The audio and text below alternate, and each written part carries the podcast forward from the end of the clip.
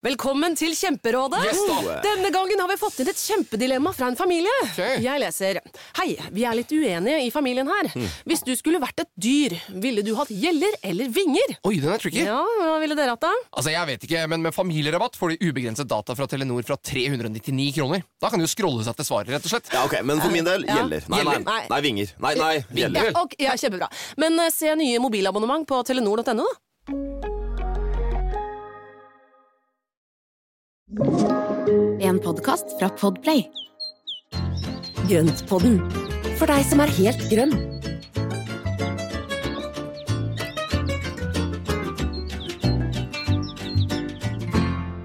Hallo, alle sammen. Velkommen til Grøntpodden. Hei, Espen.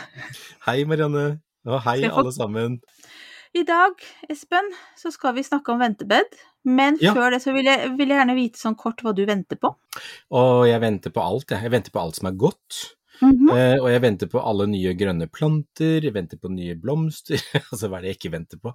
Nei, jeg er veldig glad i å vente, men jeg liker også veldig godt å nyte det jeg har. Så jeg Mm. føler vel at jeg kanskje er uh, Jeg er ikke så ventete av meg akkurat nå, for at nå er jeg midt oppi min sommerblomstperiode. Og jeg elsker bare å være til stede i sommeren og nyte alt det som skjer hver eneste eneste dag, morgen og kveld. Lukte på blomstene, se hva som skjer, utviklingen, pusle rundt, fikse. Altså, det er ikke noe å vente på, nå er det bare å nyte, tenker jeg. Mm. Mm. Jeg er helt enig med deg, ja.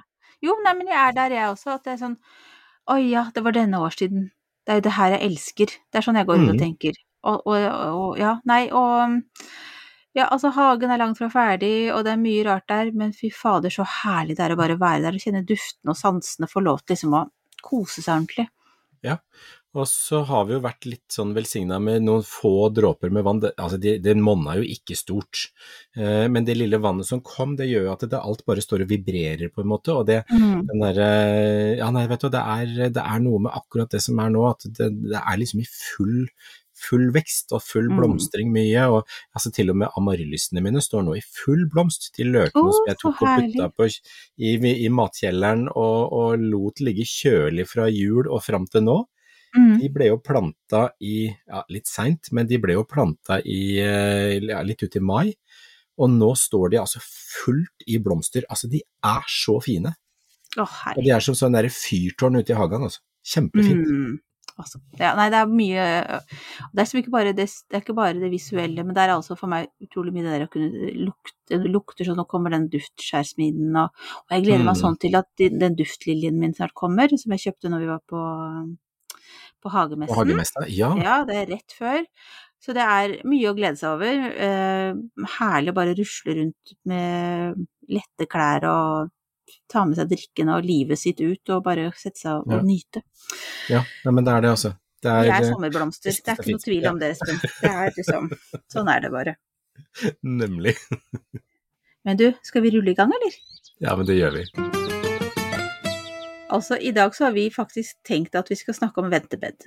Um, så tok jeg en liten sånn eh, spørreundersøkelse rundt meg. Jeg er jo nå i dag, eller denne uka så er jeg i, hos foreldrene mine i Moss. Veldig koselig. Spurte vet dere hva ventebed er. Så kom det litt sånn ulike forslag.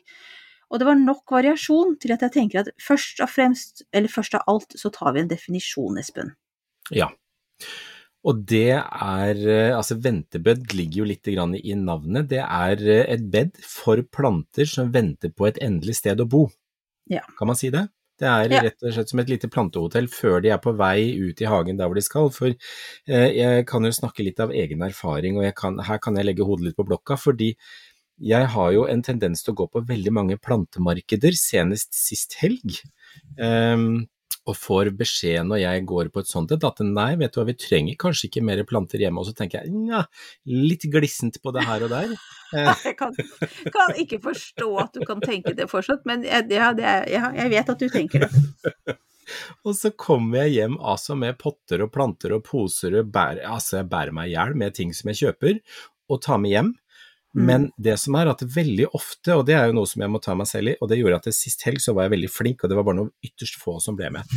Men det som da skjer, det er at det er potter og planter som du da kjøper, eh, for, egentlig på impuls, du kjøper det fordi at du tenker at denne her kommer til å bli fin et eller annet sted, og så vet du ikke helt hvor.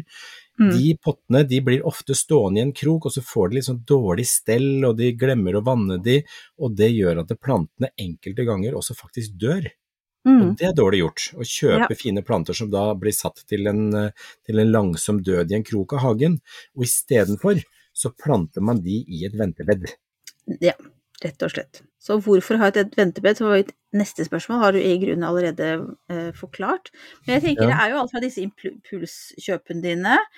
Eh, det kan jo være planter du har fått i gave, som du ikke helt vet hvor du skal sette hen.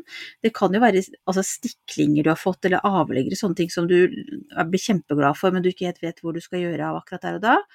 Ja. Og ofte stauder som kanskje har blitt for store, så du må dele dem av og flytte litt på dem, i hvert fall mm. noe av det. Og så tenker jeg på sånn at man da, som, som du da, som har enormt mye løk som du stapper i jorda, hist og her, og plutselig så står du igjen med en pose, og så har du ikke plass noe sted, og da kan du ta de i ventebedet, for da kan du bruke dem som eh, snittblomster, ikke sant? Ja, At du ja. kanskje ikke du koser deg med å se på dem så mye, men at du, du i hvert fall kan eh, bruke dem videre da inne.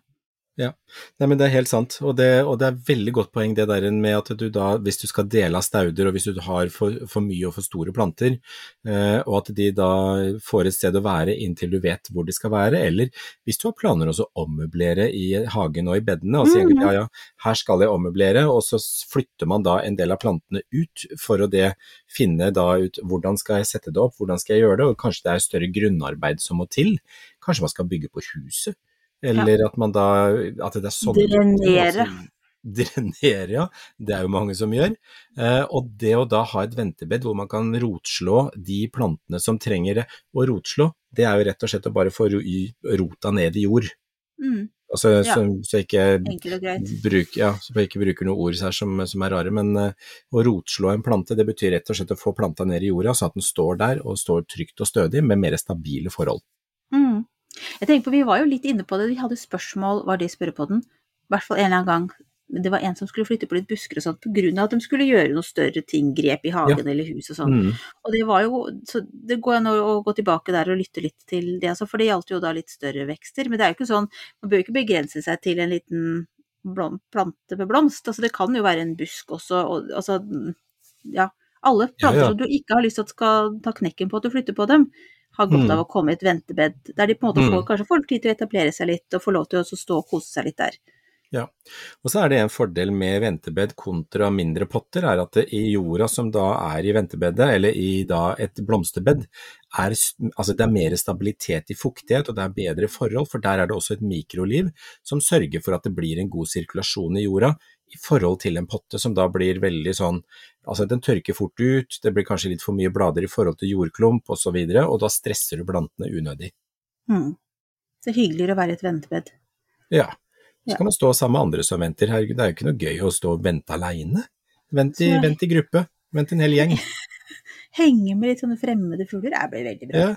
ja, men Ja, Det kan bli en av de beste venner før du vet ordet av det. Velkommen til Kjemperådet! Ohoi! Vi har fått inn et kjempekleint problem fra Trine Lure 22. Ok. Jeg leser De to andre i kollektivet mitt har begynt å date, og jeg syns det er veldig kleint når vi skal se på TV sammen, og de bare skal kline. Ok, ja, Hvordan skal hun løse dette? Siden Trine Lure er under 30, får hun jo ubegrenset data fra Telenor fra 399 kroner. Da Da kan hun sette seg på sitt eget rom, streame så mye hun vil på mobilen. Ja, hun kan jo se på nye mobilabonnement på telenor.no. Ja, det er lurt.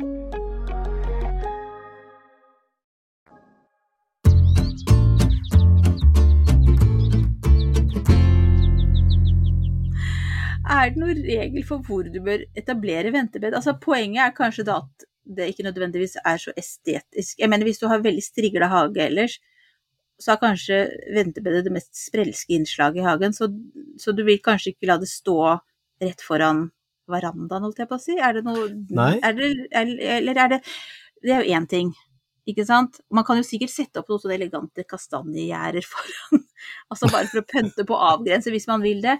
Um, det er, ja, det er jo én ting. Men også det som er viktigere, for som jeg vil spørre deg om, er jo noe sånt burden For da skal du ha veldig mange forskjellige typer planter med forskjellige behov i dette bedet, sannsynligvis.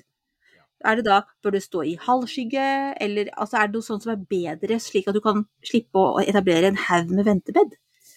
Ja, jeg tenker det at halvskygge er noe som de aller fleste plantene klarer.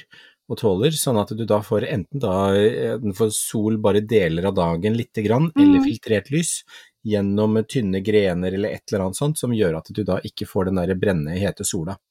Uh, og det er jo heller ikke bra i det øyeblikket du har flytta en plante, så er det greit at ikke den blir utsatt for veldig sterk sol. Selv da solelskende planter kan da gjerne få en liten pause akkurat når du flytter de.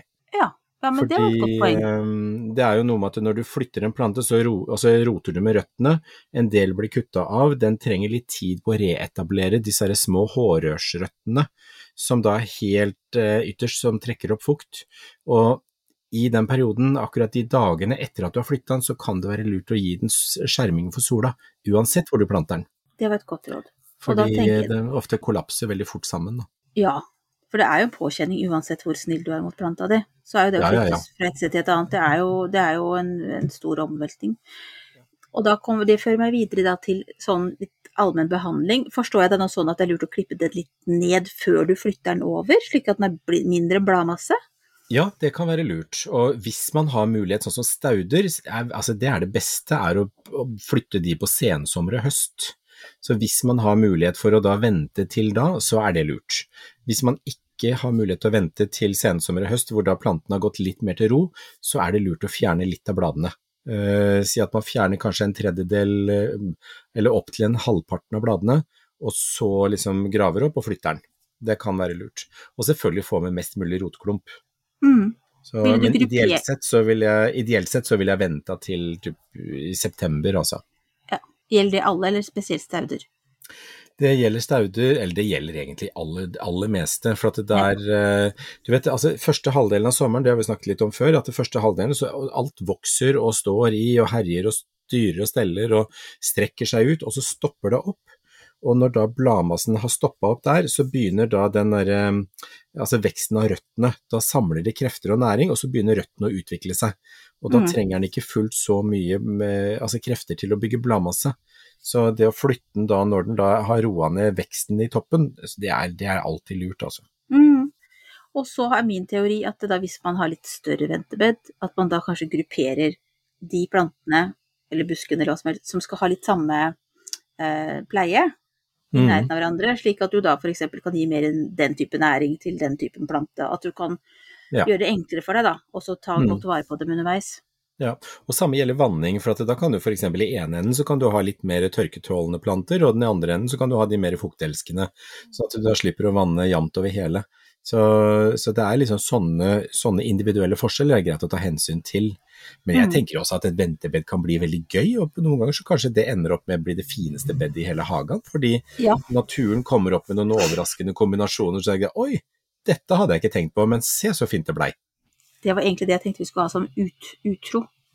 Å ja. Men jeg er helt enig. For det er nemlig poenget her, at jeg har jo hørt om flere da, som har sagt det. At nei, det var ventebed, og var liksom, ble litt sånn slik og sånn. Og så var det sånn fanden sparke, det ble jo så fint. Fordi at Ja. det er kanskje de hadde liksom plassert plantene med litt lavere skuldre, da. Ja. Hvis du eksempel er veldig opptatt av at det skal være sånn og slik i hagen, og så Mm. bare plunka du noen planter nedi, og så ble det litt så tar, som vi har snakka om før, naturen tar over, og det blir egentlig aldri slik du har planlagt uansett, og da er liksom Nei. Ja. Så, så det er eh, et godt poeng, Despen. Du skal Ja, få lov herlig. Ja, men så, ta, så bra. Men det er jo noe med det, det, er jo noe med det at når, når man da lar, lar naturen spille litt grann på egen hånd altså Vi kan ikke putte alt i boks eller bås. Det går ikke her i livet å putte alt i bås. Eh, og det tenker jeg det må vi slutte med. Så det å bare gi litt slipp, og det gjelder Mm. alt hagehold, tenker jeg. Gi Mm. litt slipp, og tenk at ja ja, så ble det sånn i år, da. Og så får man da flyte med, og så tenker jeg at ja, altså det funker med de farvene, og det funker at den vokser sånn, og så Mm. endrer det, altså endrer det seg, eller hvis man da overhodet ikke kan leve med det, så flytte på det neste år. Og så Mm. gjør det litt annerledes neste gang. Det er liksom, det er ingen som dauer av sånt. Det er jo tenk på, farlig, tenker jeg på de som da står på sykehus og jobber eh, med da liv mellom hendene, bokstavelig talt. Det er ikke liv om å gjøre med hagen om det akkurat skal stå der eller der eller der, det spiller ingen rolle. Det skal være et sted hvor man kan slappe av litt og liksom senke skuldrene og kose seg, og ikke bare ha liksom alle disse reglene. Nei, Ja. vet du hva, ja, ventebed. Ja til mer ventebed, sier Ja, mer ventebed. Bare, ha bare ventebed. det blir spennende. Nei, men det er et viktig poeng. Det er sånn, jeg tror aldri du har hatt Jeg tror ikke det er prestisje som gjør at du holder på med planter. Det er den gleden over å se livet som Altså at det vokser til og sånn. Jeg tenker bare på det. De fleste av de gode folka som vi har snakka med også på Hagemesten og andre steder, altså flinke plantemennesker, Mm. det er jo veldig lite prestisje, og det er jo et sånn ønske generelt om å formidle at man dyrker med senka skuldre, og at man koser seg med det. Ja. Så ventebed, det er et, et kjempefin måte å kunne kose seg i hagen. Ikke stress med at den planta ikke passa inn der du trodde den skulle passe. Sett den i ventebedet. Mm. Men du, apropos det. Hvor lenge bør du stå i bedet? Altså, er det noe sånn øvrig For jeg bare tenkte på det, er det sånn at de etablerer seg for godt i ventebed? Er det vanskelig da å flytte videre, eller er det sånn det er litt vanskelig å tenke på? Nei, det tenker vi ikke på. Jeg tenker at Hvis den etablerer seg for godt, så blir den bare større og kraftigere til den skal ut på et nytt sted. Eh, alternativt, hvis den blir for stor, så er det bare å dele den igjen. Og så deler man, så har man plutselig to planter istedenfor, fra ventebedet til neste bed. så, men altså, hele hagen er jo en runddans. Mm. Bortsett fra de større buskene og trærne, som da liksom er veldig stedfaste, så, så er det egentlig en runddans. fordi at det, etter hvert som ting gror seg til, så her, her hos meg, så er det jo sånn at nå har jo en del busker og små trær da blitt så store at da er solforholdene helt annerledes. Og da ser jeg at noen planter overhodet ikke funker lenger, mens andre plutselig funker. Og det gjør at det, altså forholdene endrer seg etter hvert som hagen utvikler seg, og etter hvert som hageeieren endrer interesse. Mm. Kunnskapsnivå, Og- preferanser, absolutt.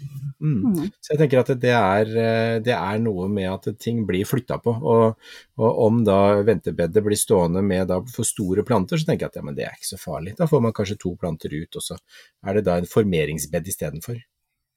Nå kan du se på oversikten over spørsmålene. Ser du? Nå streker jeg over neste spørsmål. Ja, det, ja se der, du. Ja. Ja, det Det siste ikke spørsmålet mål. her, det, det er Det må man ta. mål. Ja. Nei, men det er ikke noe mål å til slutt ikke ha noe ventebed. Man, Ja. man kan gjerne ha ventebed hele tiden. Man kan kalle det noe annet og også. Kroker og kriker. Men altså, det er Eller altså planter på, planter på reise, da. Reiseplanter. Som hopper rundt i hagen. Ja. Ja, ja, ja. Men det, men det aller siste spørsmålet syns jeg er veldig relevant. For nå har vi snakka veldig mye om hagen. Mm. Men man kan jo ha en veranda eller balkong, stor eller liten, der man også har litt stauder og, og busker og sånn som man har lyst til å, å plutselig flytte på. Hva vil du ha noe råd til de som skal, lage et lite ventebed? Nå sa du jo det med krukker at det ikke er så bra, men kanskje det er en stor sånn bedkasse, Ja, for eksempel, da?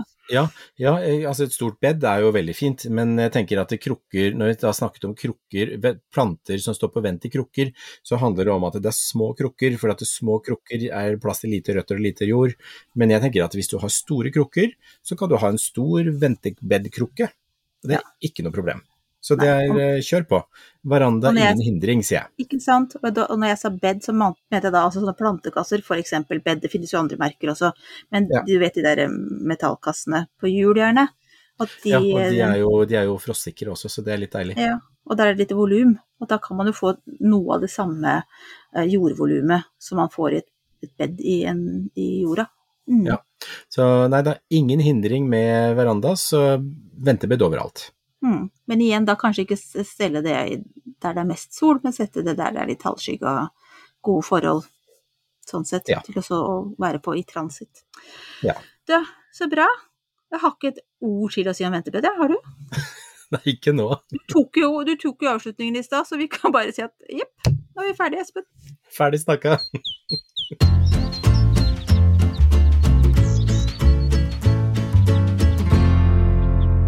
Nå, eh, altså vi er jo ikke helt ferdige, nå er vi jo over på de faste spaltene i av, Ja. avslutningsheatet her sånn. Mm. Eh, skal vi begynne da med ukas plante? Det er en, Ja! kan jeg få si det? Ja. Jeg øvde meg litt. Petopentia natalensis. ja, det er det. Yes. Og det er altså eh, mitt nyeste tilskudd.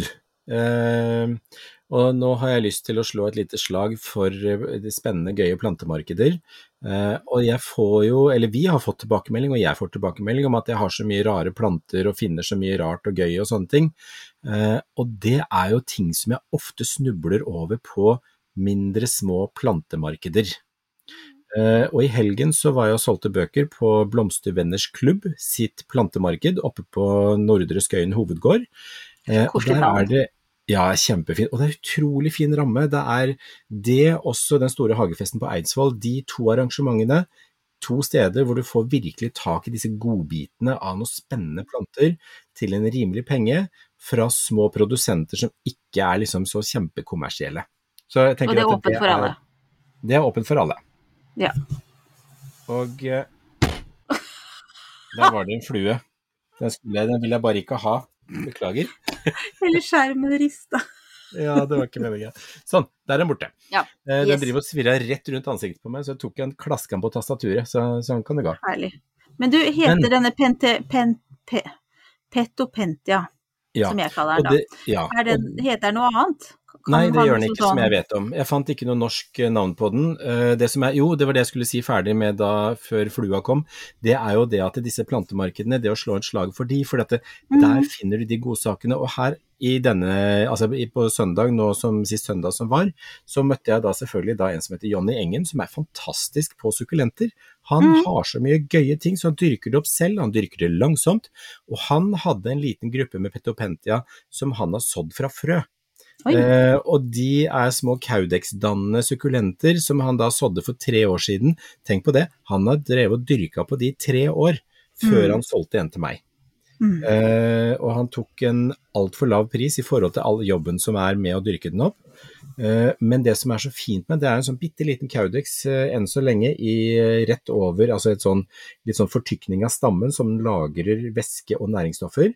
Og så er det en lang sånn snirklete, hva skal vi si, eh, gren som kommer opp derfra med blader som er ellipseformet, som sitter parvis på denne greia. Og så undersiden er dyp lilla.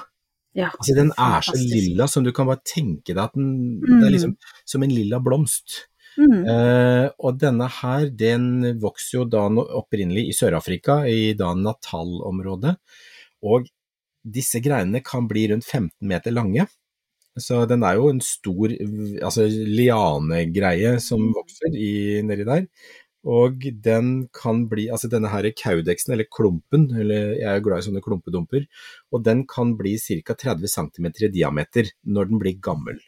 I Oi. Botanisk hage i København så står det en, et stort eksemplar som er veldig flott, og den driver også og blomstrer.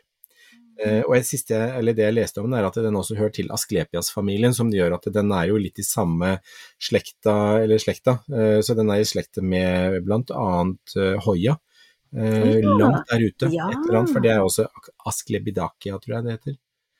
Men det er ikke så fjernt når du ser på den, for det er litt sånn De bladene er liksom deilige på samme Ja. måte som hoiabladene. Litt sånn Ja, de er sånn avrunda, fine sånne ting. Mhm. Så ja, nei, vet du hva.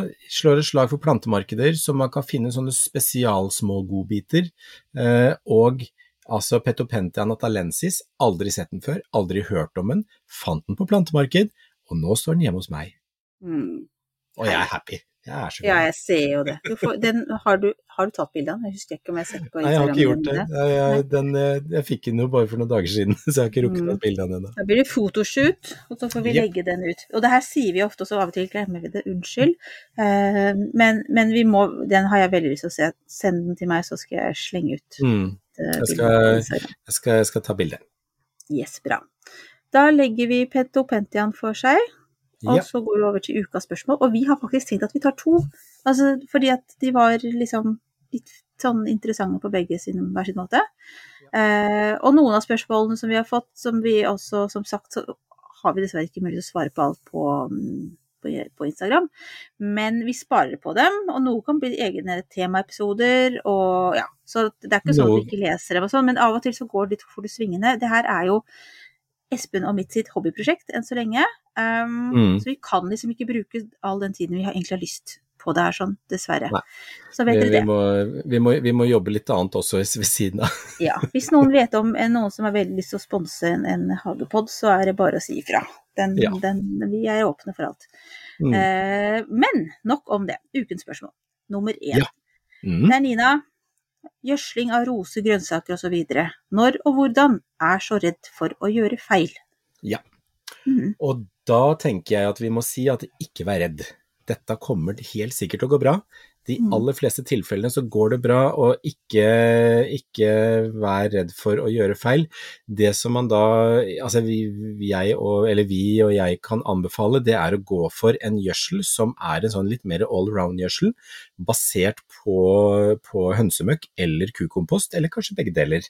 Fordi den er en naturlig gjødsel som da gir eh, grunnlag for et godt mikroliv i jorda, gode planter, langsom næringsopptak og en, altså liksom en Det er bra for liksom så mange ting. Eh, og så les på bare på pakka hvor ofte og hvor mye man skal gjødsle.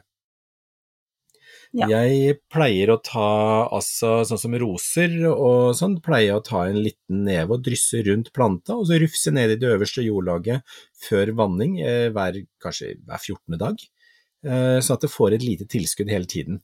Og heller da jevn gjødsling med litt mindre enn den skippertakgreia med for mye. For for mye gjødsel, så vil du kunne svi av røttene. Så heller den der jevne tilstedeværelsen av, av næringsstoffer. Og alle blomstrende planter som da er flere, eller alle planter som er flerårige, de skal gjerne trappes ned med gjødsling i løpet av august måned. Alt av ettårige blomster og grønnsaker og ting som skal bare levere en avling det året, det er bare å gjødsle full pakke helt fram til høsting, eh, eller siste slutt før frosten kommer. Og så putter man det i komposten. Men eh, det er liksom, det er, det er ikke så mye som kan gå gærent, og spesielt ikke hvis du bruker naturgjødsel. Nei. Og nå har vi gjort det bevisst valgt oss å svare såpass si, allment og enkelt, fordi at det, eh, Jeg hørte på en, denne svenske jordkommisjonen, som jeg elsker, podkast mest om grønnsaksdyrking. De har en Mm. egen episode, så hvis dere har lyst til å liksom, altså virkelig nerde dere ned i temaet, så kan dere høre på den episoden de har om det. Men jeg ble veldig forvirra. Ja, men det er Og- forvirrende. Ja. Og snakka med Espen etterpå sånn hjelp, kan du bare gi meg noen sånne gode, greie basic råd. Så det er det her Ja. som dere også får nå, da. Jeg syns det er mye enklere å huske på. Selv om Ja, det er morsomt tenker- å kunne mye om det, men, men det er så mye annet jeg skal ha i hodet mitt også, så det Ja. Nei, for det er jo det sånn så NKP, det er jo disse kunstgjødselen og alle de næringsstoffene og alt det, altså de grunnstoffene som plantene er bygd opp av. Altså natrium, fosfor og kalium, det er jo liksom de grunnleggende stoffene. Og så er det vektingen av hvor mye av det ene, hvor mye av det andre som påvirker ulik vekst. Og så tenker jeg nei, vet du hva, blås i det. Kjør naturlig. Naturlig gjødsel. Kjør jevnt hele tida. Sørge for godt mikroliv, god jordhelse. Det er kanskje det beste grunnlaget for gode planter for oss eh, hobbyhageeiere. Bra. Du, da går jeg videre til neste spørsmål, jeg. Ja. Og det er også et fint spørsmål, som var litt sånn litt poetisk nesten, vil jeg si. Eh, og det er altså Hilde Gry som lurer på Mm. hvilke planter bør jeg ha for å invitere flest mulige sommerfugler til hagen? Ja, Jeg synes det var og det er så herlig. Ja, det er veldig koselig. Og det er jo da blomstrende planter, åpne, enkle, som da er lett tilgjengelig. Um, jeg vil anbefale, hvis vi skal ta en liten håndfull, så vil jeg anbefale, uh, litt avhengig av klimasone og sånn selvfølgelig, men sommerfuglbusken, en sikker vinner. Den er ikke mest hardfør, men den er utrolig, altså den er en magnet på sommerfuglene. Uh, og så har du kjempeverbenaen, som er også en kjempe, altså kjempe, kjempe, kjempe, kjempe, kjempe, veldig god for sommerfuglene. Og så har vi, altså her hos meg, så har jeg også summersnowen, klematisen.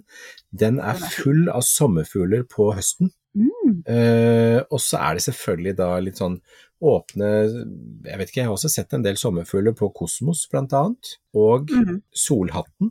Ja. Så, så jeg tenker at det, det er jo i hvert fall noen av de kanskje sånn, sånn top of mind som er, eh, er gode for sommerfugler, men kjempeverbena er en sikker vinner. Sett den Ja, er gjerne i krukker, sett den innimellom andre vekster i bedet, og den blomstrer jo fra nå og hele veien fram til frosten kommer. Den blomstrer i et banka kjør. Min vokser fortsatt. Bra, Marianne. Jeg har ikke drept den ennå. Veldig fornøyd. Men jeg har jo hatt den før, da, men det er bare det jeg håper nå at den i virkelig år skal bli sånn din størrelse og den til Svante Øyquist. Eh, Ja, men Men, eh, men gi, gi den gjødsel, gi den gjødsel, og gi Ja. den jevne gjødslinga med hønsegjødsel.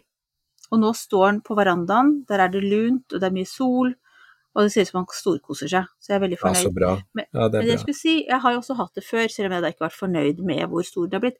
Men apropos sommerfugler, så har jeg det som jeg ser for meg, som jeg har også tatt noen bilder av, er den sitronsommerfuglen. Du vet den der sånn Mm. lys, lys gule.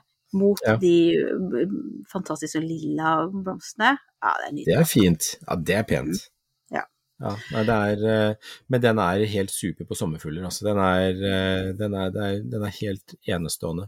Den og sommerfuglbusken det er de, kanskje de to som er trekker mest. Og så er det summersnowen som klimatisen. Ja, tre, tre gode tips. Mm. Men du, nå lar vi spørsmålene ligge for denne gang.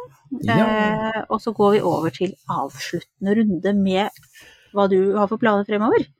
Oi, oi, oi. Jeg har, jeg har masse sånne fortsatt, så har jeg en hel haug med forkultiverte småplanter i potter som står altfor trangt, eh, som egentlig er stressa på etter å komme ut. Så jeg driver nå og skal få dytta ut de siste plantene mine som jeg har, ikke har rukket å få ut i, i bed og større krukker. Så, men begynner altså nå begynner jeg å se slutten på de, og, og jeg tenker jo hvert eneste år at nei, jeg skal ikke forkultivere så mye, jeg skal ikke så så mye rart, jeg skal ikke holde på så mye som jeg gjør, og så ender det med at jeg driver og planter ut planter til langt over sankthans. Altså, jeg lærer jo aldri. Så jeg driver og flytter ut med meg og mitt pikkpakk i form av små planter, og så skal jeg også flytte inn på utekjøkkenet, for nå er det faktisk ferdig. Fantastisk. Og det er så lekkert. Eh, nå skal jeg bare style og fikse litt. Grann, og det er et par sånne steder som jeg skal på et bitte lite malingsstrøk, og så er det klart, og da skal jeg begynne å ta noen bilder, og da skal vi få se Mm. hvordan det blir seende ut. For dette her, jeg er så fornøyd. Og igjen, snekkeren eh, fra Muribø, eller snekkeren Alexander fra Muribø, som har gjort eh, dette kjøkkenet, han har kommet opp med gode løsninger, og det ser helt altså, enestående ut. Jeg elsker det. Og jeg har nesten ikke begynt å bruke det ennå, men jeg elsker det. Herlig. Så det driver jeg med. Så det, det, er, det er en stor glede å vente på masse godt vær videre, og så masse god matlaging der. Mm. Mm. Åh, gud, håper jeg blir invitert. Ja, men det gjør du. Du har stående Åh. invitasjon, du. Så Ja, du, du, er alltid, du er alltid velkommen. Ja, det Så ser det. så fint ut. Ja, Ja. det veldig Ja, nei, vi må ha Vi ja, holde oss oppdatert på hvordan det blir der. Kanskje det blir neste, neste bok fra deg? Kan bli sånn eh, Hva blir det? Nye rom i hagen. Ja, noe sånt. Nye rom i hagen. Det hadde vært noe. Eh, Men jeg sitter jo og tygger på Jeg har faktisk begynt å tygge litt på en idé til en ny bok. Men du, kanskje ikke du skulle si det? Tenk om noen knabber ideen din. Ja, nei, men det er, eh, det er kanskje Ja, kanskje jeg skal kutte ut det? Jeg vet ikke, Sven. Ja, nei, jeg skal ikke si noe om det. Jeg skal ikke si noe om det. Men Marianne, hva skal du for noe da? Hva driver du med nå? Du er på besøk, men du kommer sikkert snart hjem igjen? Ja, Kjenner jeg deg rett? Jo, nei, nå er jeg her. Og, men jeg, altså mm, Jeg savner jo hagen allerede, Mm. og er litt sånn bekymra for vannhjelp. Gud, jeg må ringe Ja. Morten etterpå, for han sa du må ringe. Du må ringe. Men, Men minne, altså, på det. Du minner på det, ja. Uh, han har mye annet i hodet også. Men i hvert fall ehm, Så sjekka jeg også kalenderen, eller ikke kalenderen, men jeg sjekka også varmlinga før, vi- før jeg fant ut når vi skulle reise opp. Fordi Så du reiser altså på anbefaling fra langtidsvarselet, du? Ja, for jeg, var, jeg, altså, jeg tenkte liksom sånn, blir det bare tørke hele uka, da tror jeg ikke jeg tør å reise opp. For nå har jeg akkurat satt de siste plantene Jeg er nesten ferdig med kjøkkenhagen nå. Jeg har satt inn alle de store gresskarplantene her nå i bakken. Så i hvert fall i morgen, når vi spiller inn der, så i morgen skal det bli skikkelig regn. Så tenkte jeg ja, de klarer seg fra min vanning før vi drar, og til, til da. Ja, Så det håper så jeg ikke. bra. Jeg har ikke turt, jeg har ikke turt å sjekke om det har endra seg. Jeg regner med at det blir, blir som de sier. Når man sjekker Mm. opp til Jeg har altså fire værapper på mobilen. Er det i overkant? Da bør du være sikker. Ja. Et sånn noenlunde korrekt, eh, korrekt vær. Hvis du tar Ja. liksom og sammenligner de, og så tar du ut essensen av det. Ja. ja. Jeg må jo si jeg syns Yr er best, da. Selv om Ja. eh, Ja, sånn er det bare. Men de andre kan også slå til av og til. Det, Det verste bra. er at jeg kjenner jeg lener meg til at det er hyggeligst med den som gir best vær. Altså det man ønsker. Som man Ja, men altså, jeg velger alltid den som viser sol, jeg. Så den tenker jeg, Ja. ja, det, blir, det skal alltid bli sol. Mm. Ja, ja. Ja, nei, men vet du hva, nei, men det, ja, så det er, vi er altså her, og jeg lengter hjem, samtidig som det er veldig herlig å være her. Vi er jo Ja. på besøk hos foreldrene mine, og jeg skal jobbe litt, og litt forskjellig sånn, så det er Mm. veldig fint. Eh, Men det jeg har gjort, er altså at kjøkkenhagen er snart ferdig mm, beplanta og rydda opp, men det er ett bed igjen. Og jeg klarer liksom ikke helt å bestemme hva jeg skal ha der. Nei. Fordi, fordi liksom jeg har tenkt at i år så skulle den egentlig være litt lettstelt. Da- Har du satt poteter? ja, og vet du hva, det må jeg bare si. Altså, jeg har også tydeligvis ikke vært flink nok til å ta opp en del poteter fra i fjor og forrige fjor. For plutselig nå er det sånn sånn jordbærplante, jordbærplante, jordbærplante, potet, jordbærplante, jordbærplante, jordbærplante. Og det samme er i løkbedet og i, sammen med eh, eh, belgfruktene. Så er det sånn mm, Her har jeg tydeligvis vært litt kjapp med å dra opp disse potetene. Så det er spent ligger, å se. så det hva ligger igjen poteter. Ja. Det er poteter overalt hos meg. Så, så det er det bare. Nei, men altså, jeg har det siste bedet. Hva syns du? Altså, jeg tenker liksom på om Altså, jeg har veldig dårlig erfaring med gulrøtter og alt sånn i, i, nedi bakken, men kanskje jeg skulle prøve, tenkte jeg. Å, du har et forslag. Yes. Jordskokk. Ja, for det hadde jeg også lyst på, men er ikke det for seint Ja. nå? Nei, ja, kanskje litt seint, men uansett så tenker jeg at de, de, det er bare å få det i jorda så fort som mulig. Ja. Så fort som rakkeren å dytte den der, og så kommer de opp, og da er jo de De blir høye, fine, grønne. De blir sol, små solsikkeblomster på Mm. toppen, og så smaker de jo helt fantastisk. Ja. Altså jordskokksuppe eller jordskokkpuré er jo noe av det beste som fins. Det er nydelig, det. Ja. Nøttete, deilig smak. Mm. Håper det fortsatt går an å få tak i det, da. Mm. Mm. Det var et godt tips. Jeg elsker jo, jeg syns jo de blomstene er så nydelige, og det har jo stått på ønskelista mi. Ja. Det var en god idé. Men det er et, veldig, det er et ganske stort bed da, Espen. Altså, Ja, men da kan du få en stor liksom- gruppe med jordskokk, og det er litt for seint å plante mais også, for det er også veldig godt. Ja, det er for seint. Ja, det er veldig godt. Eh, Men det som er med jordskokken, er at hvis ikke du rekker å ta høsten i år, så kan den få stå over til neste år, og så vil den Mm. fortsette å vokse. Så den, Ja. er, ikke noe, den er ikke noe stress med. Nei, Så du kan jo se om den kommer seg i år, hvis ikke så får den stå til neste år, så da høster du den da istedenfor. Så det er null, null skal stress. jeg, skal jeg liksom ha altså hva er det, åtte ganger to og en halv, nei, en og en halv meter? Det er kanskje voldsomt med jordskokk. Kan hende at du blir lei av jordskokk, da.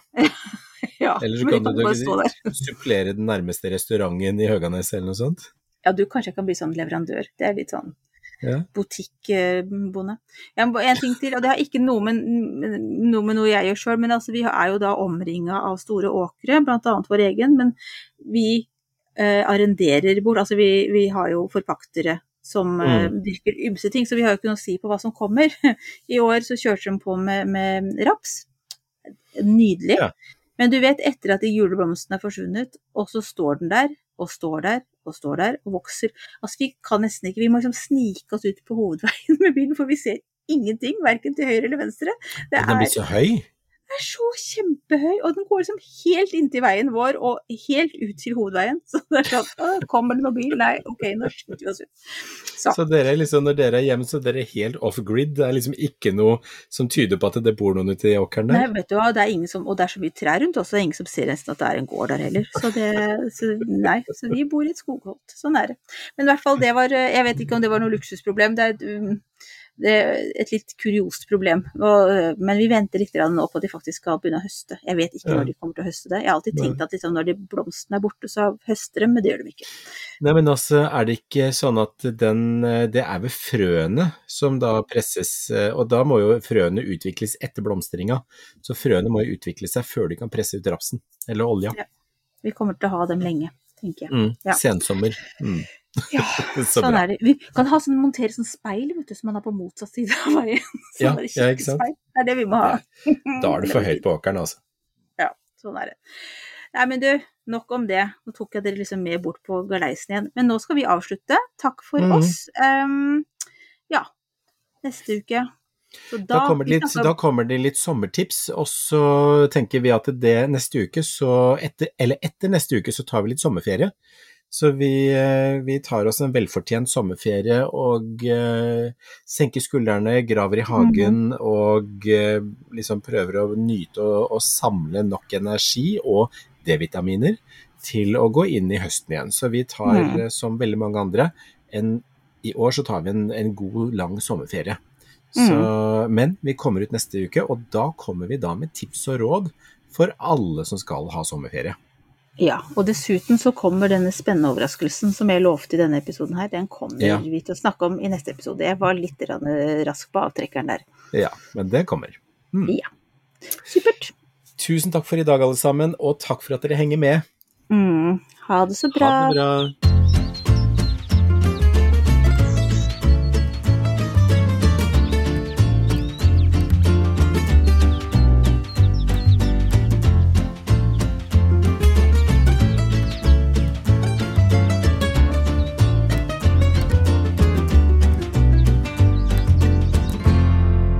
Hørt en podkast fra Podplay. En enklere måte å høre podkast på. Last ned appen Podplay, eller se podplay.no.